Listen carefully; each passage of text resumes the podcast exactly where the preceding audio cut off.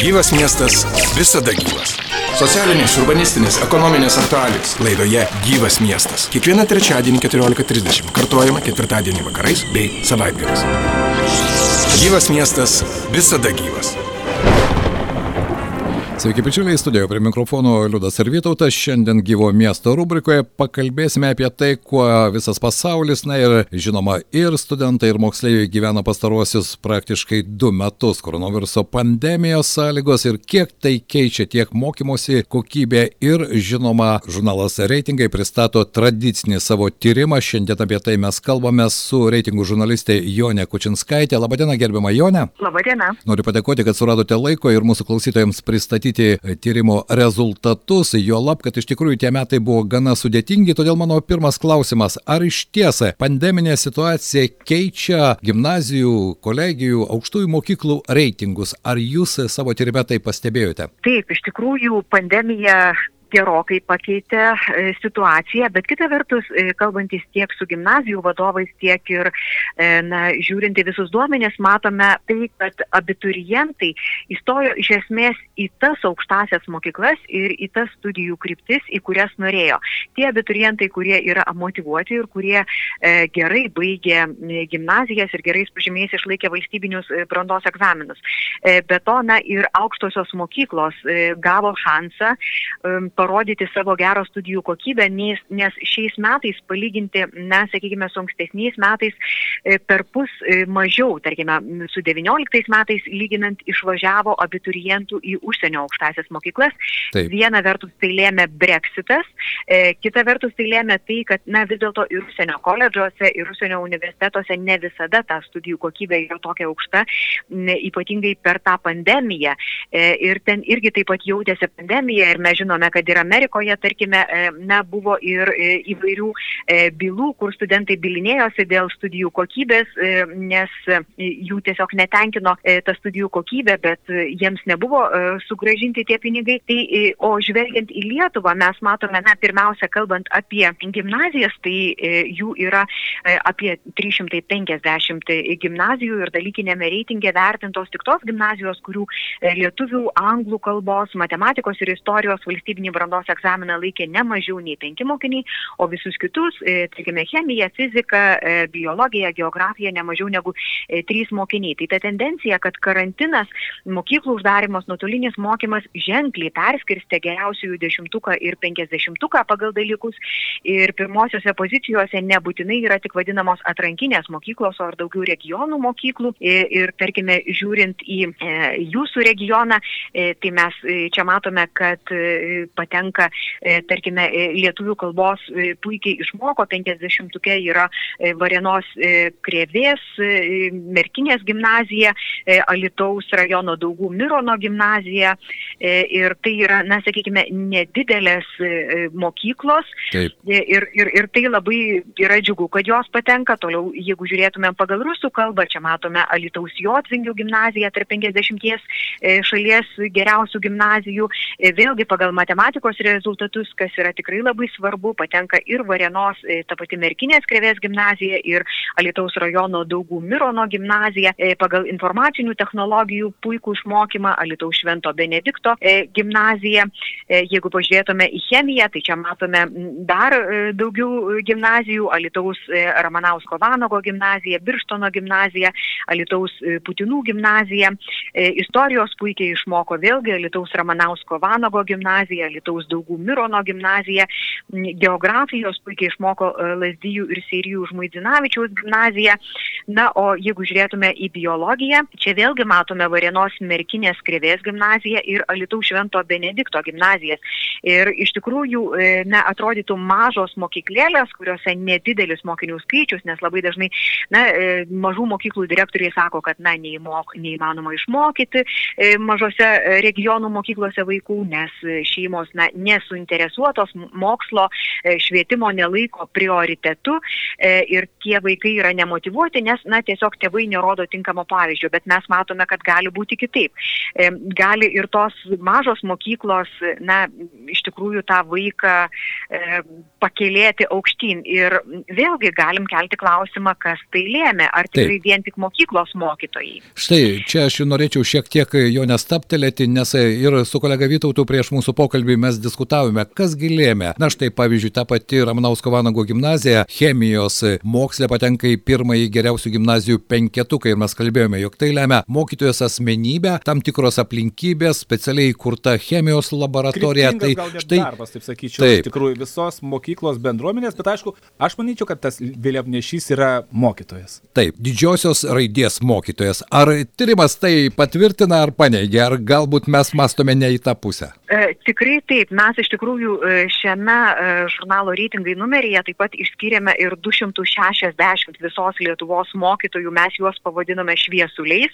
E, kodėl šviesuliai? Tai yra tie mokytojai 260 e, įvairių dalykų, pradedant, na, jūsų paminėta chemija, lietuvių kalba, anglų kalba, matematika, informaciniam technologijom, fizika, istorija, biologija, geografija tai tie mokytojai, kurie nesvarbu, kokia susirenka laida vaikų, e, labiau motivuotų, mažiau motivuotų, pinigingesnių, netokių pinigingų, bet jie e, visus vaikus ne, sugeba išvesti į tai, kad e, į labai aukštą rezultatą ir niekada neturi per, dirba, sakykime, mokytojų 10, 20, 30 metų ir, ir netgi daugiau ir neturi e, per tuos keliasdešimt metų ne vieno mokinio, kuris neišlaikytų jų mokomo dalyko.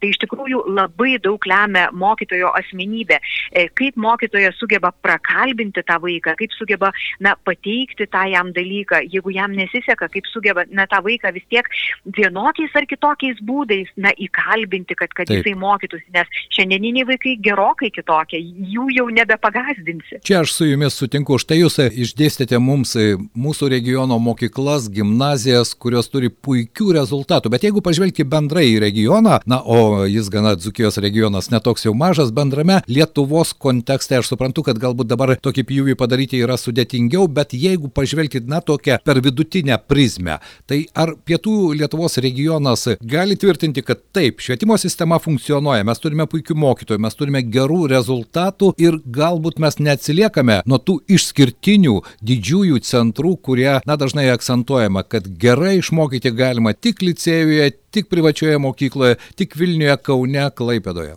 Žinot, aš manau, kad e, tikrai taip, tikrai Alitus, Alitaus miestas tikrai turi puikių mokyklų ir, e, kaip paminėjau, na, sakykime, ir kai kurias e, jūsų regiono, jūsų apskrities mokyklas, na, sakykime, tai iš tikrųjų, na, vad kasgi galėjo lemti, kad net arba, tarkime, Varienos e, e, krėvės e, Taip. gimnazija, kodėl jinai pateko į net keletą tų vadinamųjų penkisdešimtukų geriausiųjų, tai iš tikrųjų karantinas turėjo ir neigiamų pusių, bet karantinas turėjo ir teigiamų pusių. Kokios tos teigiamos pusės? Na tai korepetitoriai. E, tai jei iki pandemijos apie 40 procentų ir daugiausia didmeščių vyresniųjų klasių mokinių naudojasi korepetitoriais, E, tai visiems mums įvaldžius tas nuotolinės technologijas, Vilniaus, Kauno, Klaipėdos korepetitoriai, e, geriausi mokytojai, taip pat universitetų dėstytojai tapo prieinami visoje Lietuvoje, nesvarbu, ar tai pietų Lietuva būtų, ar rytų Lietuva būtų, ar vakarų Lietuva, e, tiesiog galėjo bet kas pasinaudoti. Tai viena vertus aš manau, kad prie kai kurių gimnazijų mokinių sėkmės nemaža dalimi prisidėjo korepetitoriai. Antra dedamoji, tai iš tikrųjų, na ir švietimo mokslo ministerija praėjusiais metais e, stengiasi finansuoti e, na, tiesiog e, organizuodama Lietuvos mokytojų dalykininkų asociacijų pamokas, ypač tiem mokiniam, kuriem sunkiau sekasi. Arba, sakykime, kurie galbūt neturėjo dalies tų nuotolinių pamokų, nes Taip. buvo ir tokių atvejų, kai, sakykime, mokytojai užduodavo ir palieka tą vieną vaiką, vieną tą abiturientą ruoštis egzaminam. Tai irgi apie tai kalba mokyklų direktoriai, kad tai tikrai, na, prisidėjo prie e, sėkmės. Na ir lygiai taip pat kai kurios e, savivaldybės, e, jos pačios inicijavo ypatingai po 20 metų matematikos brandos egzamino fiasko, jos pačios irgi na, ieškojo galimybių ir su kolegijom, ir su universitetais, kad jų dėstytojai dėstytų nuotolinės paskaitas. Ir tiesiog kartais reikia kitokio tos pačios temos išdėstymo, na, kitokio prieimimo vaikui ir jis gali perprasti, jis gali įveikti ir jis išlaikyti ir kartais net ir labai puikiai išlaikyti. Dar vienas klausimas, ne apie gimnazijas, o galbūt apie pradinį ir netgi iki mokyklinį ūkdymą tyrime, nežinau ar yra pradinukai, bet mes čia Lietuvoje turėjome tokių istorijų, žinau, kad štai toks drevinukas pateko į jūsų reitingus, o buvo e, nemažai iečių sulaužyta ir norima buvo sunaikinti šią mokyklėlę. Štai jeigu kalbėti, nes vis tik tai mano nuomonė ir motivacijos sėkla, jie atsiranda šeimoje, jie atsiranda pradinio mokymosi klasėse ir po to jį gali arba išdykti, arba neiš, neišdykti, bet vis dėlto želmuo jis ten pradžią turi ten. Na, iš tikrųjų, jūs paminėjote tiesiog į taikinį, į dešimtuką, pasakėte Lietuvos Drevinuką mokyklą darželį ir, ir šita pradinė mokykla išsiskiria tuo, e, kad jos ketvirtokai keletą metų iš eilės e, yra tarptų, e, kur, na, puikiai išlaiko nacionalinių moksleivių pasiekimų patikrinimą matematikos ir yra puikūs rezultatai ir jie yra tarp labai, na, mažo skaičiaus pradinių mokyklų. Čia yra na, maždaug apie 20 pradinių mokyklų ir tik e, patenka Lietuvos Drevinuko e, mokykla darželis e, į šitą skaičių, nes matematika iš tikrųjų visoje Lietuvoje yra problema. Ir na, maždaug tik tai dešimtadalis mokyklų puikiai išmoko mokinius matematikos, nes apie 35-38 procentai abiturientų matematikos egzamino net nelaiko ir jų matematikos supratimas na, yra kuklus.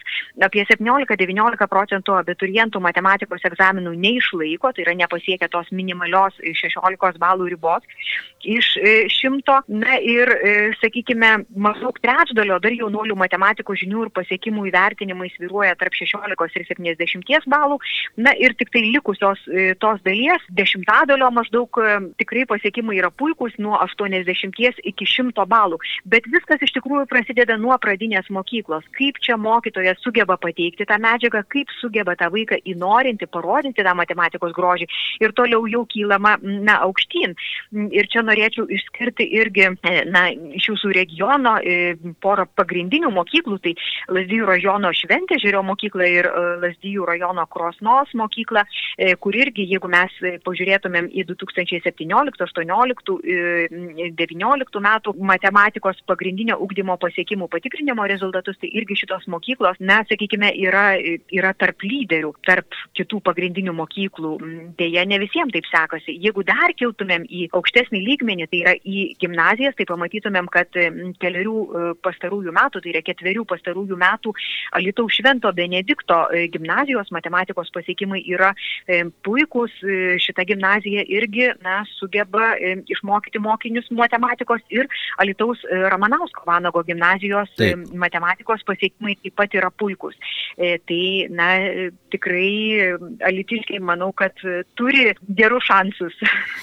Gerus šansus turi ir tie, kurie pasirenka iš Vilnius grįžti į gimtąjį miestą ir jie dažnai jo neakcentuoja. Darželiai ir mokyklos. Du dalykai, kai šeimoje atsiranda vaikai, kurie tampa svarbus, o nuotolinis darbas dabar jau yra lengviau organizuojamas. Tad, ko gero, tam tikrų perspektyvų čia turi ir jūsų paminėtos gimnazijos, bet aš norėčiau paliesti dar vieną temą. Lietuvoje mes turime ir kolegiją. Suprantu, kad mes galime kiekvieną jūsų tyrimo eilutę iš tikrųjų dėstyti labai plačiai, bet vis dėlto palieskime ir kolegijas. Jūsų nuomonė, kokioje vietoje dabar jūsų reitingė Alitaus kolegija? Na, Alitaus kolegija, kaip žinome, visai neseniai na, turėjo tam tikrų na, supurtimų, tam tikrų sukrėtimų. Ir ko gero, matyt, reikia vis dėlto laiko atsigauti, nes mes vertindami kolegijas, kaip ir universiteto bakalaurų parengimą, didelį dėmesį na, kreipiame į darbdavius, tai yra darbdavių anketinė nuomonė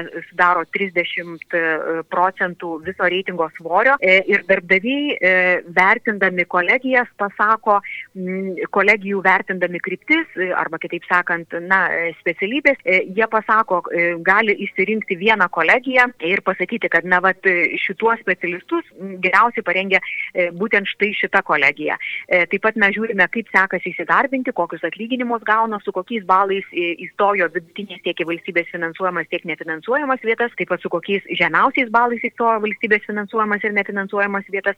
Na ir koks buvo vadinamasis nubirėjimas, tai yra, mes dar sakome, tai balsavimas kojomis, nes ypatingai e, pandemijos metais, nuotolinio mokymosi metais, e, praėjusiais 2019-2020 ir universitetai ir kolegijos turėjo nemažai praradimų, ypač e, tie jaunuoliai, kurie įstojo į valstybės nefinansuojamas studijų vietas, jie tiesiog sakė, kad, na, mūsų netenkina ta kainos ir kokybės santykis, nuotolinių studijų kainos ir kokybės santykis ir labai nemažai jaunuolių nutraukė studijas. Tai žiūrint apibendrintai, kur Alitaus kolegija išsiskiria, tai tarkime, jie išsiskiria transporto inžinerijoje, čia Alitaus kolegija yra tarp trečia iš penkių kolegijų, nes penkios kolegijos šios krypties specialistus rengia informatikos inžinerijoje, Alitaus kolegija yra ketvirta iš aštuonių, vadyboje yra šešta iš vienuolikos kolegijų rengiančių vadybininkus, verslo studijų kryptyje yra septinta iš dvylikos Alitaus kolegija. Tai galima sakyti, kad jinai, na, įvairiose kryptyse yra maždaug per viduriuką. Taip, supratau.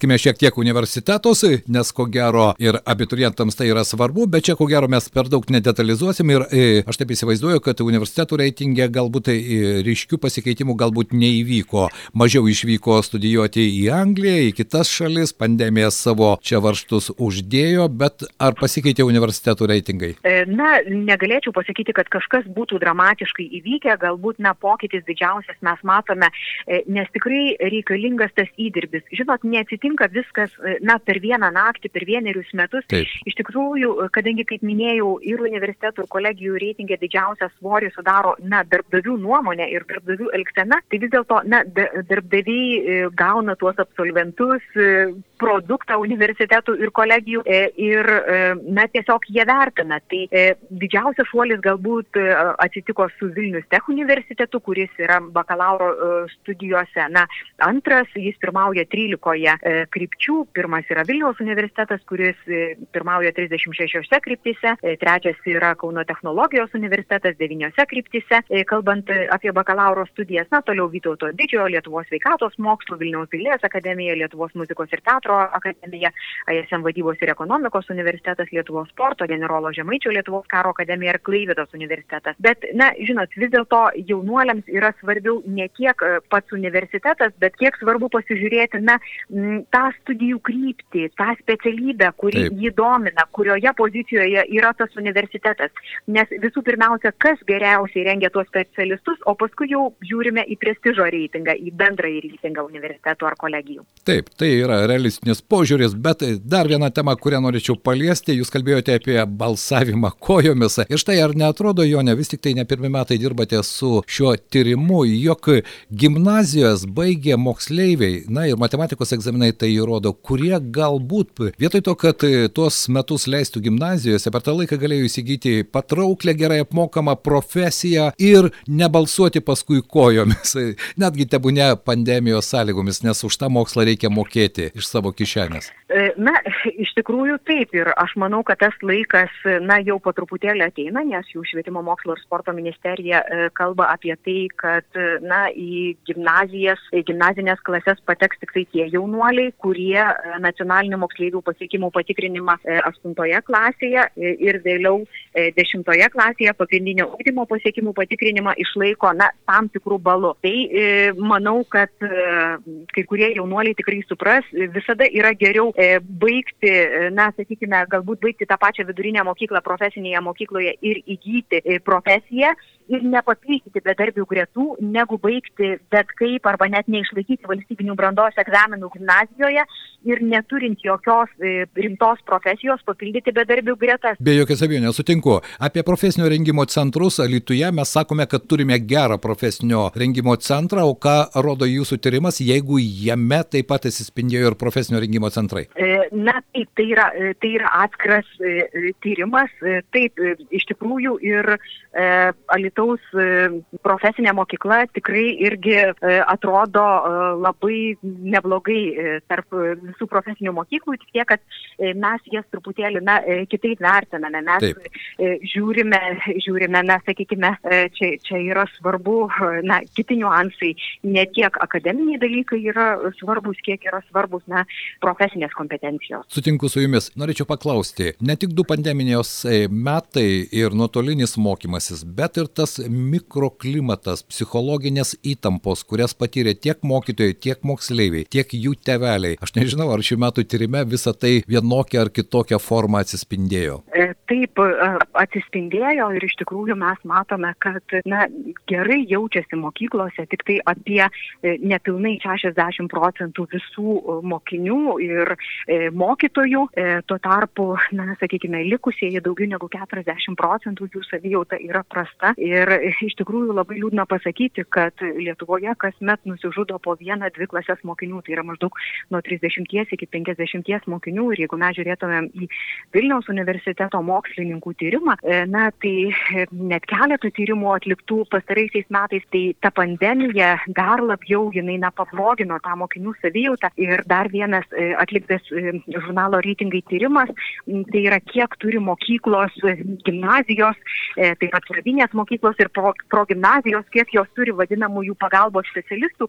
Tai čia yra psichologai, logopedai, Taip. na ir kiti specialistai. Ir tikrai mes matome, kad dalyje šalies mokyklų nėra apskritai nei vieno psichologo, žinot, ir tai yra labai liūdna, jeigu mokykloje, tarkime, yra pusantro tūkstančio mokinių, arba net nesvarbu, tai gali būti ir nebūtinai pusantro, tai gali būti ir šeši šimtai mokinių, bet jeigu jinai neturi psichologo, tai, žinot, na, tai, nežinau, signalizuoja apie tai, kad ta mokykla, na, nelabai kreipia dėmesio emociniai sveikatai ir dar pasakysiu, kad tai nebūtinai kažkokios prastos mokyklos, kuriuose yra, na, prasti akademiniai rezultatai, bet tokia situacija yra ir vadinamose elitinėse mokyklose, atrankinėse mokyklose, na, jos kažkaip matyt įsivaizduoja, kad e, jų vaikai susitvarko e, su Taip. stresu ir su nuotolinio mokymosi stresu, bet e, tai toli gražu. Taip nėra, taip aš su jumis čia sutinku, čia atskira tema ir galbūt mes surasime laiko padiskutuoti ir apie tai, apie tą psichologinį mikroklimatą tiek moksleiviams, tiek mokytojams, tiek tevelėms. Jo ne šiandien noriu padėkoti, ačiū Jums, kad suradote laiko, kad pateikėte tokią išsame informaciją, kuri aš tikiuosi ir mūsų klausytojams padės geriau orientuotis, ieškant galbūt savo kelio šiame gyvenime. Dėkui Jums. Dėkoju. Mūsų pašnekovė buvo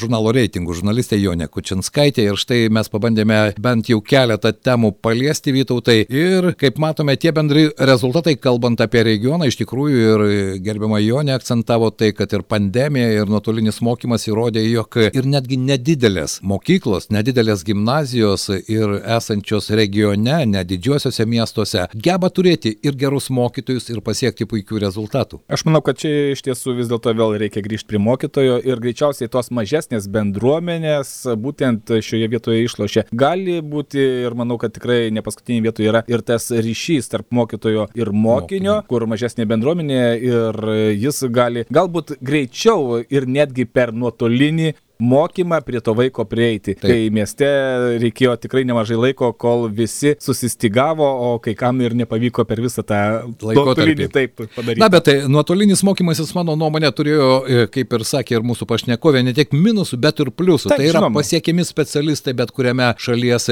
mieste. Tai viena pusė, norint gauti konsultaciją ir ta paslauga buvo teikiama ir buvo galima ją gauti. Iš kitos pusės tai paskatino ir mokytojų bendruomenę, ar ne? Šiek tiek daugiau laiko skirti šio laikinio šiuolaikinėms technologijoms, ką šiuolaikinis jaunimas, turintis jau kiek kitokį požiūrį ir gebėjimą, galėjo demonstruoti. Mokytojams irgi reikėjo pasitempti. Taip, aš manau, kad iš tiesų ir tuo pačiu ne tik tais buvo galima mokytis su mokytoju, bet dar to mokymosi galėjoma pasisemti ir įvairiausiose kitose platformose, Taip. netgi rasti ir tam tikrų, manau, ir mokymosi būdų naujų ir, na, matematiką ar chemiją ar kitką išmokti būtent žiūrint ir tam tikrus filmukus. Pavyzdžiui. Taip, papildomai, kodėlgi ne. Tad aš tikiuosi, kad ir mūsų klausytojams mūsų pokalbis su reitingų žurnaliste Jonė Kučinskaitė buvo įdomus. Ačiū Jums, tai buvo gyvo miesto rubrika. Studijoje prie mikrofono su Jumis Vytautas ir Liudas. Dienos kaleidoskopas. Gyvas miestas visada gyvas. Socialinės, urbanistinės, ekonominės aktualijos. Kiekvieną trečiadienį 14.30. Laida kartojama ketvirtadienį vakare bei savaitę. Miestas, kuriame gyvenu, visada gyvas. FM 99.